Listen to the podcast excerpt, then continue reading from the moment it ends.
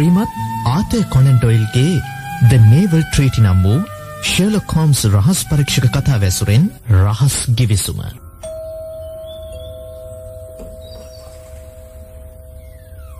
Good මෝනිින් doctor Watson මොකද මේ උදේ පාන්දරම Good morning, Mrs. Hudson. කෝ මිට. හෝම්ස් ගෙදරින්නවාද? ඉන්නවා ඉන්නවා පරීක්ෂණාගාරයට වෙලා මොකක්දෝ වැඩක් කරනවා. බොහොම මැතුලට එන්නකෝ. මං ගිහින්. ආ අර ඉන්නේ හෝම්ස්. ආ වොට්සන් ඕම ටිකක් වාඩි වෙලා ඉන්න. තව සුළු වෙලාවකින් මං එනවා. හා මේ තියෙන පත්තරේ.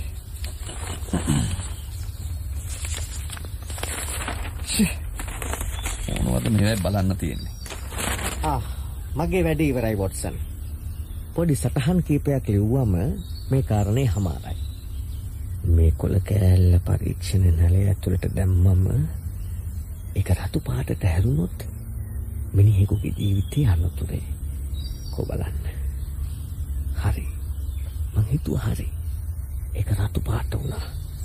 වහාම ටෙලිග්‍රෑම් එකක් යවන්න ඕනේ. එතකොට මගේ රාජකාරිය හමාරයි. මිසිස් හඩ්සන් ඔය කොළුවට කියන්න මේ ටෙලිග්‍රෑම් එක අරගෙන තැපැල් කන්තරුවට යන්න කියලා. ඉක්මන් කරන්න. හදිසි පණුවිඩයක්. ඉතින් ඉතින් වොට්සන් කොහොමද?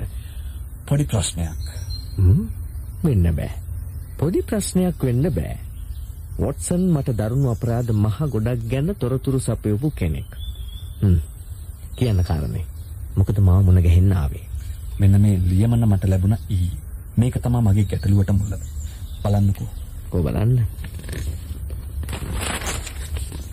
මා හිතවත් වොට්සන් වෙතය.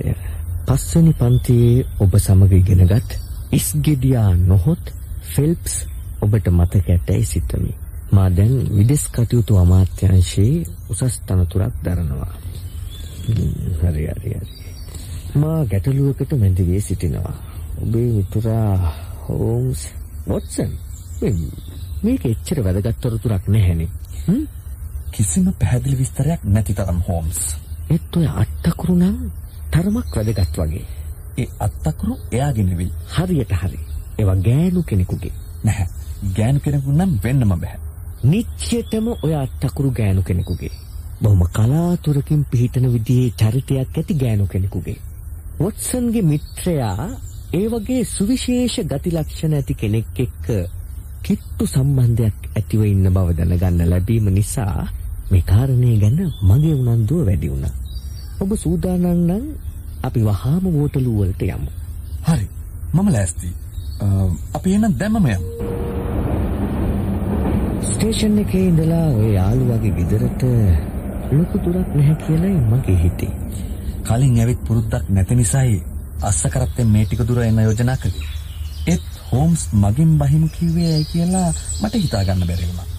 මට ටිකක් වටපිටාව බලා ගන්න හිතුණා වොට්සන්. අර බලන්න. අර තියෙන්නේ බ්‍රිය බ්‍රී මන්දිරය වෙන්න ඕන. හරි. ඔය නාම පුවරුකුත් තියෙන්නේ. ඔව් මේක තමයි තැන. අපි ගිහිල්ලා සීනුනාද කරලා බලමු. ආ මේ මහත්තුරු මේ කවුරු මුණ ගැහෙන්නද? සමා වෙන්න. මම පර්සි ෆෙල්ප්ස් මහත්තයාගේ යාළුවෙක්. මට එන්න කියලා ලියමනක් එවලා තිබුණා. ආ ඔබ එහෙනම් ડોක්ටර් වොට්සන් වෙන්න ඕනේ. එන්න එන්න. උදේ ඉඳන්ම පර්සි ඔබ ගැන විපරම් කරනවා. මේ මගේ මිත්‍රයා මිස්ටර් හෝම්ස්.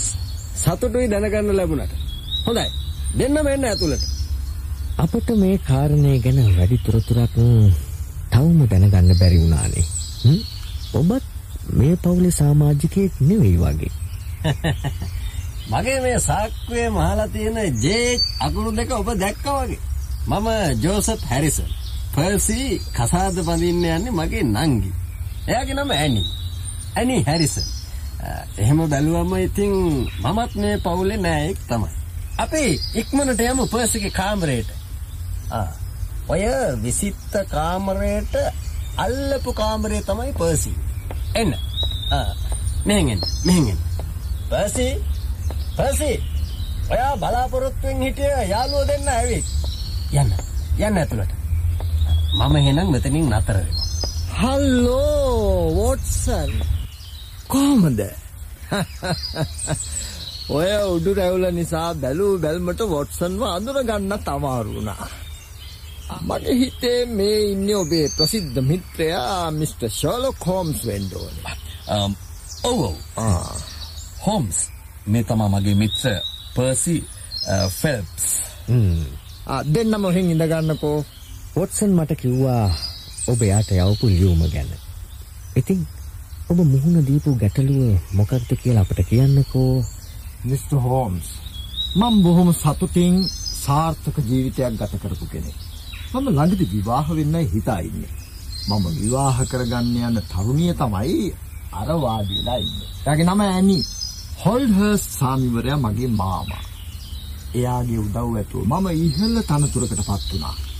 ඒ අ, විදේශ කටයුතු අමාත්‍යාංශයේ.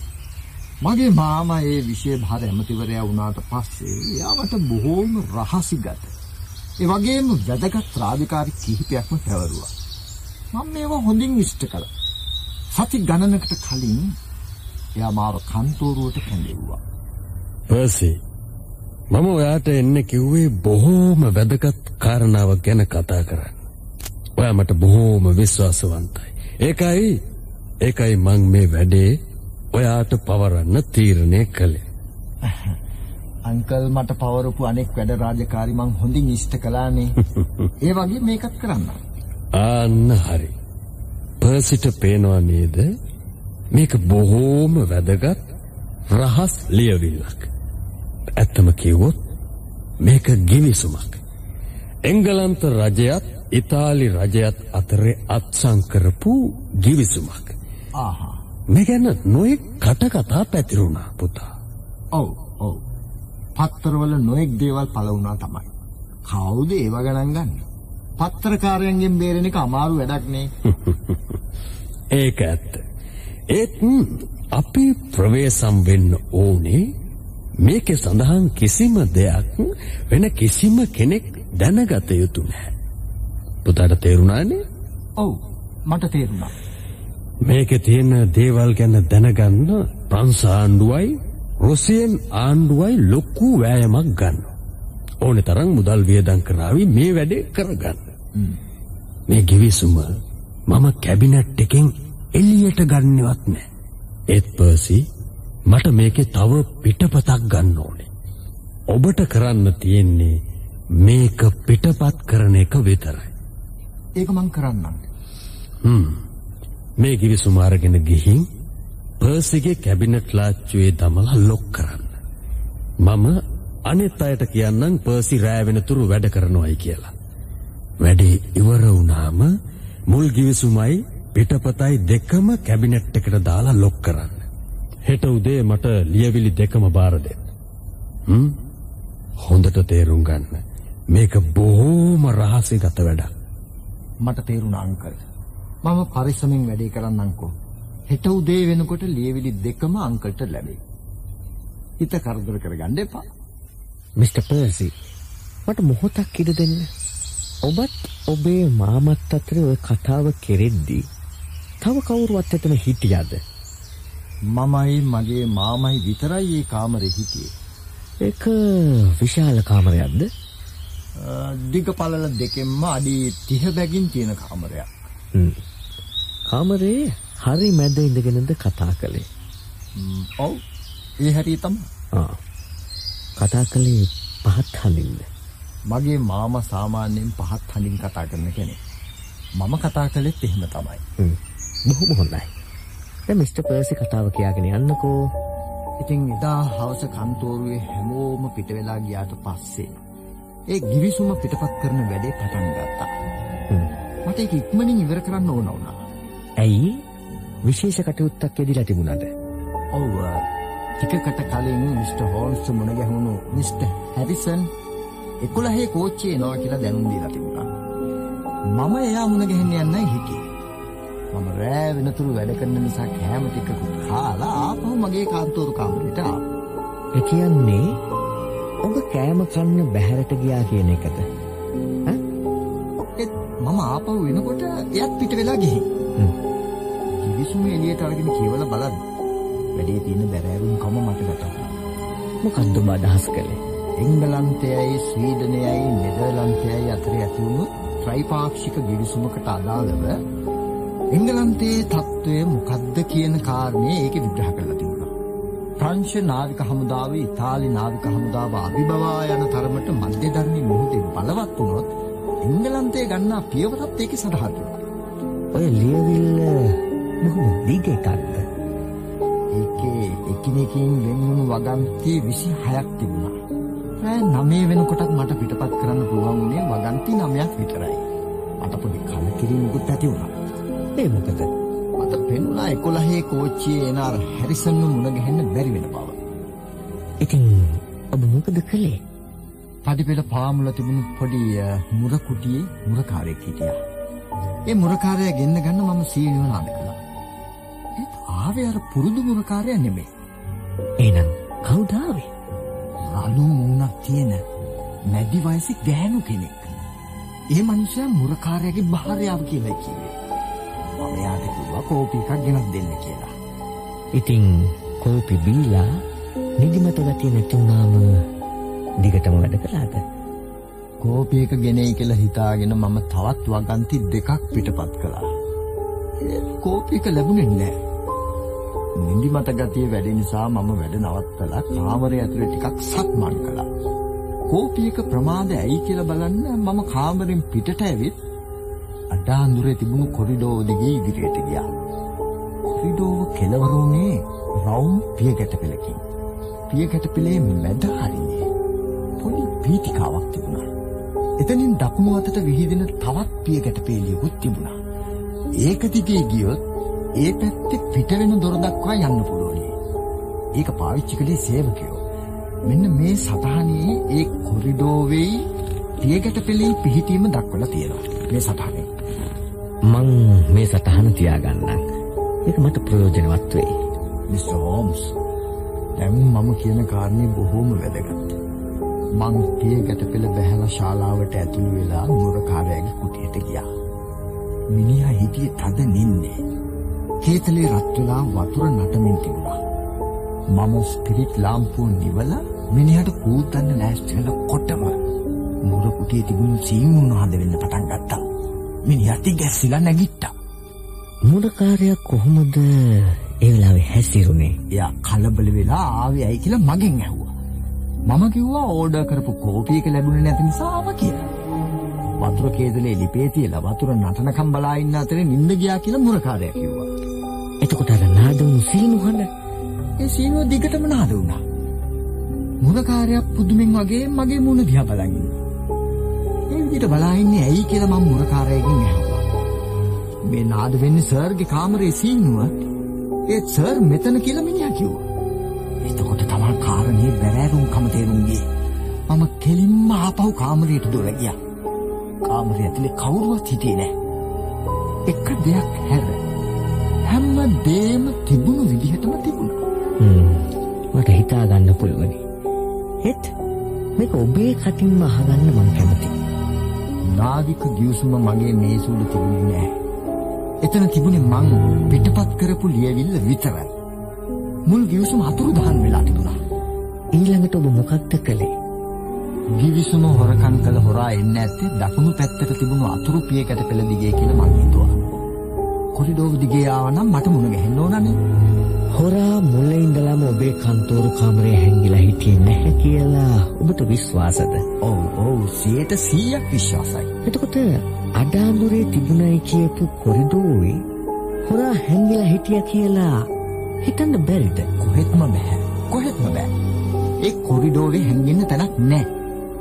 මගේ කලබල ගතිය දැකලා මුරකාරයාත් මගේ පස්සෙන් කාමරයට ඇවිල්ලා තිබුණා. අපි දෙන්නම වීදියේ පැත්තට යන පඩිපෙළ දිගේ ගිහින් දොර ඇරලා බැලුවා. කවුරුවත් හිටියේ නැහැ. එතකොට වෙලාව 10ට කාලයි. කොහොමද ඔබට වෙලාව මතකයට ආවේ? කිට්ටුව තිබුණ ඔරලෝසු කණේ ඔරලෝසු නාද වුණා. ඒක බොහොම වැදගත් කාරණයක්. ඉතින් ඊළඟට ඔබ මොකද්ද කළේ? එදා රැහැ ටිකක් වැස්ස තිබුණා. චාල්ස් වීදියේ කවුරුවත්ම පේන්න හිටියේ නැහැ. ඒත් වයිට් හෝල් පැත්තේ වාහන තදබද ගතියක් තිබුණා. මුරකාරයයි මමයි තෙමි තෙමි ඉස්සරහට ගියා. වීදියේ කෙළවරේ පොලිස් රාලහම් කෙනෙක් හිටියා. කවුරුත් එතනින් ගියාද කියලා ඇහුවාම මැදි වයසේ ගෑනු කෙනෙක් එතනින් ගිය බව දැනගන්න ලැබුණා. ඒ තැනැත්තිය කවුරු වෙන්න පුළුවන්ද? ඒ තමන්ගේ භාර්යාව බව මුරකාරයා කීවා. එයා ගැන හොයන්න එපා. එයා මේ වගේ දෙයක් කරන්න විදියක් නැහැ. අනෙක් දොරටුව පැත්තට ගිහිල්ලා බලමු කියලා මුරකාරයා මේ මට බල කරන්න පටන් ගත්තා. එදා රෑ වැස්ස තිබුණයි කිව්වා නේද? අතිසලකුණු මොනවත් තිබුණේ නැද්ද? මිස්ටර් හෝම්ස් අදහස් කළ දේ හරි. පිටින් ඇතුළට එන කෙනෙකුගේ මඩ සහිත පාසලකුණු සටහන් වෙන්න ඕන තමයි. ඒත් ගොඩ නැගිල්ලට එන සේවිකාවන් සපත්තු ගලවලා මුරකුටියේ තියන්න පුරුදු වෙලා තිබුණා. මුරකාරයාගේ භාර්යාවත් ඒ දෙම කරන්න ඇති. කාමරේ ඇතුලේ සීලිව පොළොව යටින් ඇතුල් වෙන මාර්ග එතකොට දුම් කවුරු වගේ තැනුත් පරීක්ෂා කළාද? ඔව් ඔව්. ඒ කිසිම තැනකින් ඇතුල් වෙන්න ක්‍රමයක් නැහැ. සීනු ලනුව තිබුණේ මගේ පුටුව ළඟ දකුණු පැත්තේ. මේසෙ ළඟට ආපු හොරෙක් මගේ සීනුව නාද කරන්න හිතුවේ ඇයි කියන එකයි ලොකුම ගැටලුව. සුරුට්ටු කොටයක් කොණ්ඩ කටුවක් වගේ මේ සුළු දෙයක්වත් කාමරේ තිබුණේ නැද්ද? නෑ. අඩුතරමින් විශේෂ ගඳක් සුවඳක්වත් දැනුනේ නැද්ද? මේ දුම්කොළ ගඳ වගේ එකක්වත් දැනුනේ නැද්ද? මම දුම් උරන කෙනෙක් නෙවෙයි. ඒ නිසා එහෙම ගඳක් තිබුණා නම් මට හොඳට දැනෙන්න ඕනේ. එක්කම සැක කටයුතු දෙයක් තිබුණා. ඒ මොකක්ද? මුරකාරයාගේ භාර්යාව. එයාගේ නම ටැන්ජි. ඇයි සේවිකාව වහාම කාර්යාලයෙන් පිට වෙලා ගියේ? අපි ඒකට උත්තර හොයාගෙන ගියා. මම ස්කොට්ලන්ඩ් යාඩ් එකේ රහස් පරීක්ෂක ෆෝබර්ස්ට මේ හොරකම ගැන දැන්නුවා. අපි මුරකාරයාගේ භාර්යාව හොයාගෙන ගියා. ඒ කියන්නේ ඉන්ස්පෙක්ටරුයි ඔබයි මිසිස් ටැන්ජිලගේ ගෙදර ගියා. ඒ සිද්ධිය මුදා රෑම. ඔව්. ඒ වෙනකොටත් ටැන්ජි ගෙදර ඇවිත් හිටියේ නෑ. ටික වෙලාවකින් එයා ඇවිත් දොරට තට්ටු කරන සද්දේ අපිට ඇහුණා. අපට කලින් එයාව මුණ ගැහෙන්න ගියේ ආදි දුව. දුව අපි ඇවිත් ඉන්න බව අම්මට කිව්වා. ටැන්ජි අපිව හමු නොවි කොරිඩෝව දිගේ ඉක්මනටම කුස්සිය පැත්තට යනකොට ඒ හඬ අපිට ඇහිලා ඉන්ස්පෙක්ටර් දුවගෙන ගියා ඒ පැත්තට. ඇයි ඒ විදිහට මගහරින්න හැදුවේ ඇයි කියලා ඇහුවේ නැද්ද? වෙලෙන් දෙක් එක්කලා ආරවුලක් තිබුණු බවත් ඒ මිනිහා ඇවිත් කියලා හිතපු බවත් ටැන්ජි අපිට කිව්වා. ඒත් ඉන්ස්පෙක්ටර් ඇව පොලිසියට අරන් ගියා. කොච්චර ප්‍රශ්න කළත් නාවික ගිවිසුම ගැන ආරංචියක් ලැබුණේ නැහැ. අන්තිමේ ගෙදර එන්න හිතාගෙන මං ස්ටේෂමට ගියා. තත්ත්වයේ භයානකකම ගැන හිතලම මට එතෙන්දි සිහි නැතුව ගියා. ඉතින් පර්සි ගෙදර ආවේ කොහොමද? අසල්වැසියෙක් ඉන්නවා ડોක්ටර් ෆෙරිය කියලා. එයා තමයි මාව ගෙදරට ඇරළුවේ. එදා ඉඳලා මං ලෙඩ ඇඳේ. දැන් සති 9ක් වෙනවා. තාමත් සුවයක් නැහැ. එතකොට පොලිසිය කවුරුවත්ම සැක කළේ නැද්ද? එදා කන්තෝරුවේ ඕවර්ටයිම් කරපු ගෝරෝ ගැන පොලිසිය සැක කළා. එයා ප්‍රංශකාරයෙක් වීම පමණයි සැකයට හේතුම එකම දේ. ඒත් එයා මේකට සම්බන්ධයි කියන සාක්ෂි තිබුණේ නැහැ. පොලිසිය ඉන්හිහාට ගියේ නැහැ. ඒ නිසා අන්තිමේ මං මිස්ටර් හෝම්ස් කැඳවන්න තීරණය කළේ. බොහොම අපූර්වට ඔබ කරුණු පැහැදිලි කළා. මට අහන්න තියෙන්නේ සුළු ප්‍රශ්න කිහිපයක් විතරයි. මේ විශේෂ කටයුත්ත කරන්න ඔබට බාර දුන් බව කාටවත් කීවද? අඩුතරමින් මිස් හැරිසන්ටවත් අපුයි නෑ. මේ වැඩේ බාරගත්තට පස්සේ මම ගෙදර ගියේ නෑනේ. කාටවත් මේ ගැන කියන්න මට ඉඩක් තිබුණේ නෑ. එහෙම කියන්න පුළුවන්කමකුත් නෑ. ඒක රහසක්. මුරකාරයා ගැන මොනවද දන්නේ? ඒ මිනිස්සයා විශ්‍රාමික සෙබලෙක්. මිස්ටර් හෝම්ස් ඔබට මේ ප්‍රශ්නේ විසඳන්න පුළුවන්ද? මේක හරිම ව්‍යාකූල ගැටලුවක්. අසීරු අභිරහසක්. ඒත් මම කරුණු හොයා බලලා ඔබට දැනුම් දෙන්නම්කෝ.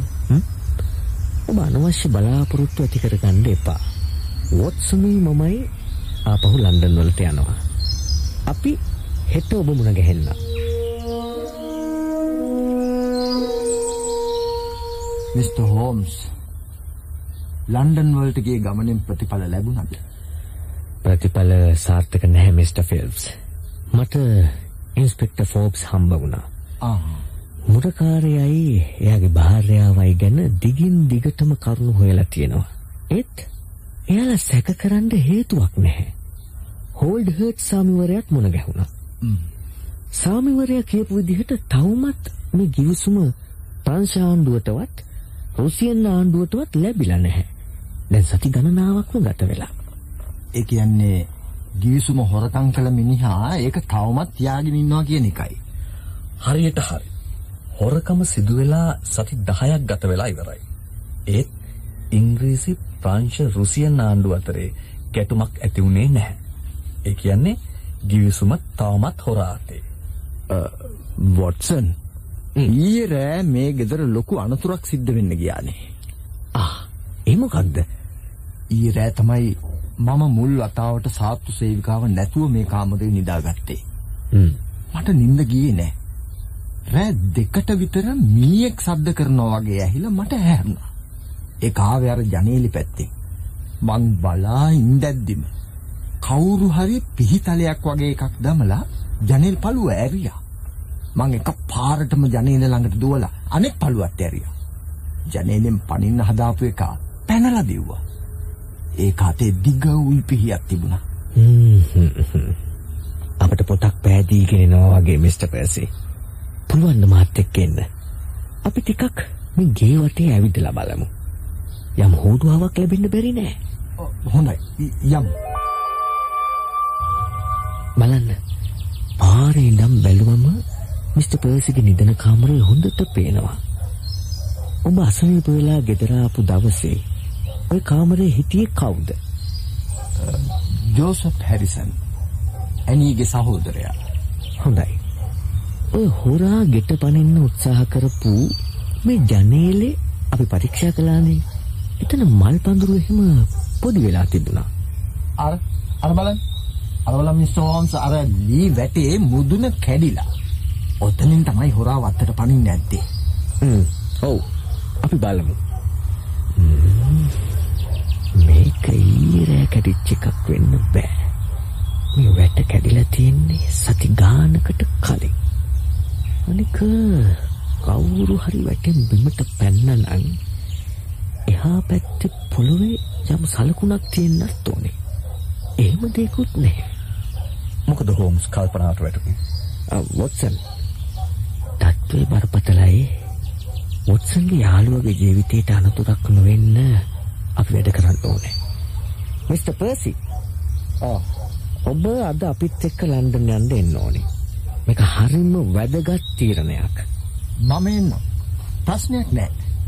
වොටසන් ඔබ පර්සිත් එක්කලා ලන්ඩන් ගිහින් අද රෑ බේකර් ස්ට්‍රීට් එකේ අපේ නවාතනින් නතර වෙලා ඉන්න. හෙට මම ඔය දෙන්නව මුණ ගැහෙන්න. හ්ම්? තව එක වැඩක් කරන්න ඕන මිස්ටර් පර්සි. ඒ මොකද්ද? මිස් ඇනි හැරිසන්ට කියන්න ඕනේ ඔබ නැති අතරේ මුළු දවස පුරාම ඔබේ නිදන කාමරයට වෙලා ඉන්න කියලා. රෑට කාමරෙන් පිට වෙනකොට පිටින් දොර අගුළු දමලා යතුරු එයා ළඟ තියාගන්න කියන්න. මේ උපදෙස් බොහොම වැදගත්. තේරුණානේ? ඔව් මට තේරුණා. මං ඇනිට කියන්න. Good morning Percy. කොහමද? ඊරන් නින්ද ගියාද? බෝඩි වොට්සන්. මොන නින්දක්ද? මට මතක් වුණේ මගේ මාමා හෝල්ඩ් හර් සාමිවරයා. මොන වගේ තීරණයක් ගනීද කියන එක ගැන. මගේ නම්බුව සහ මුලින්ම ඉවරයි. මට පිස්සන් කොට වෙලා ගින්නයි වෙන්නේ. අනේ මන්දා. මට නම් හරි බඩගිනි. මිසස් හඩ්සන් මුණ ගැහිලා උදේට කන්න මොනව හරි යවන්නේ කියලා මම එන්න. මදයි. කසාද බඳින්න ඔන්න මෙන්න කියලා හිටපු මගේ ඔළුව උඩ කඩා වැටුණු විපත්තියක හැටි. විදේශ කටයුතු අමාත්‍යාංශයේ මගේ රැකියාවෙන් මාව නිරපල දාලා. ෂි, හරිම නව නින්දියාවක් වුණා. මාව හොරෙක් ගන්නට වැටුණා. ආ අස්ස කරත්තයක් ඒ ළඟ නැවැත්තුවා වගේ. හා හෝම්ස් වෙන්නේ නැති. කොබලන්න. වොට්සන් වොට්සන් මිස්ටර් හෝම්ස් ඇවිත් මං ගිහින් දොර අරින්නම්. පර්සි ඔහම ඉන්න. හෝම්ස් මේ මොකද? අතට මොකද? ආ, කලබල වෙන්න එපා වොට්සන්. සුළු තුවාලයක්. මිසිස් හඩ්සන්ට කියන්න මං ආවා මටත් එක්ක උදේ කෑම ලෑස්ති කරන්න කියලා. අපි කෑම මේසෙදි කතා කරමු. ෂා මිසස් හඩ්සන් පුරුදු විදිහටම කුකුල් මස් කරේක නොම්බර එකට හදලා තියෙනවා. මොනවද වොට්සන්ගේ පිඟානේ තියෙන්නේ? හැම් තියනවා. බිත්තර තියනවා. ඇයි පර්සි බලන් ඉන්නේ? ඔය වැස් මැරලා බලන්න. මොනවද උදේට කන්න තියෙන්නේ කියලා. මට කෑම අපිරියයි මිස්ටර් හෝම්ස්. මට නම් යකෙක් කන්න බඩගිනි. ම්ම් එහෙමනම් ඔය පිඟානේ වැස්ම හක් කරලා මට දෙන්නකෝ. මම මිස්ටර් පර්සිගේ කෑම ටිකක් කන්නම්. මම බොහෝම කැමැත්තෙන් කෑමක ඔබට දෙනවා. ආ, පොඩියක් ඉන්න. මේ වැස් මහක් කරනකම්. දෙයනේ මේ මේ මොකද මේ පිඟාන මැද්දේ තියෙන්නේ? අපේ දෙයනේ මේ තමන් නැති වුණු නාවික ගිවිසුම මම බේරුණා මම බේරුණා ඔබට බොහොම ස්තුතියි මිස්ටර් හෝම්ස් බොහොම ස්තුතියි කොහොමද ඔබ ගිවිසුම හොයාගත්තේ? ඒක හරි අපූරු කතාවක් වොට්සන්. මිස්ටර් පර්සිගේ කාමරයට හොරෙන් ඇතුළු වෙන්න හදපු තැනත්ත නිසා ගැටලුව පහසු වුණා. වොට්සන් මිස්ටර් පර්සිත් එක්කලා පිටත් කළාට පස්සේ මම රෑ වෙනතුරු නගරෙන් පිට වෙලා හිටියා. අඳුර වැටුණට පස්සේ මම මිස්ටර් පර්සිගේ ගෙවත්තට ඇතුළු වෙලා නිදන කාමරයට කිට්ටුව තිබුණ අර පඳුරු අතරේ හැංගිලා බලන් හිටියා. මම දැක්ක මිස් හැරිසන් කාමරේ දොර වහලා පිට වෙලා යන හැටි. පාන්දර දෙකට විතර දොරක් කැරෙන සද්දයක් මට ඇහුණා. කවුද එළියට ආවා? මං හඳේලියෙන් දැක්කා ජෝසප් හැරිසන්ගේ මූණ. මොනවා ජෝසප් ඔව් ජෝසප් තමා. කළු ලෝගුවක් ඇඟේ දාගෙනයි මිනිහා හිටියේ. අතේ දිග පිහියකුත් තිබුණා. මිනිහා ඇවිත් නිදන කාමරේ ජනේලය අරගෙන ඇතුළට පැන්නා. ඒකම මිනිහා කාමරය ඇතුළේ තිබුණ ඉටිපහන පත්තු කළා. මිනිහා කරන කියන දේවල් ඔක්කොම මම දැක්කා.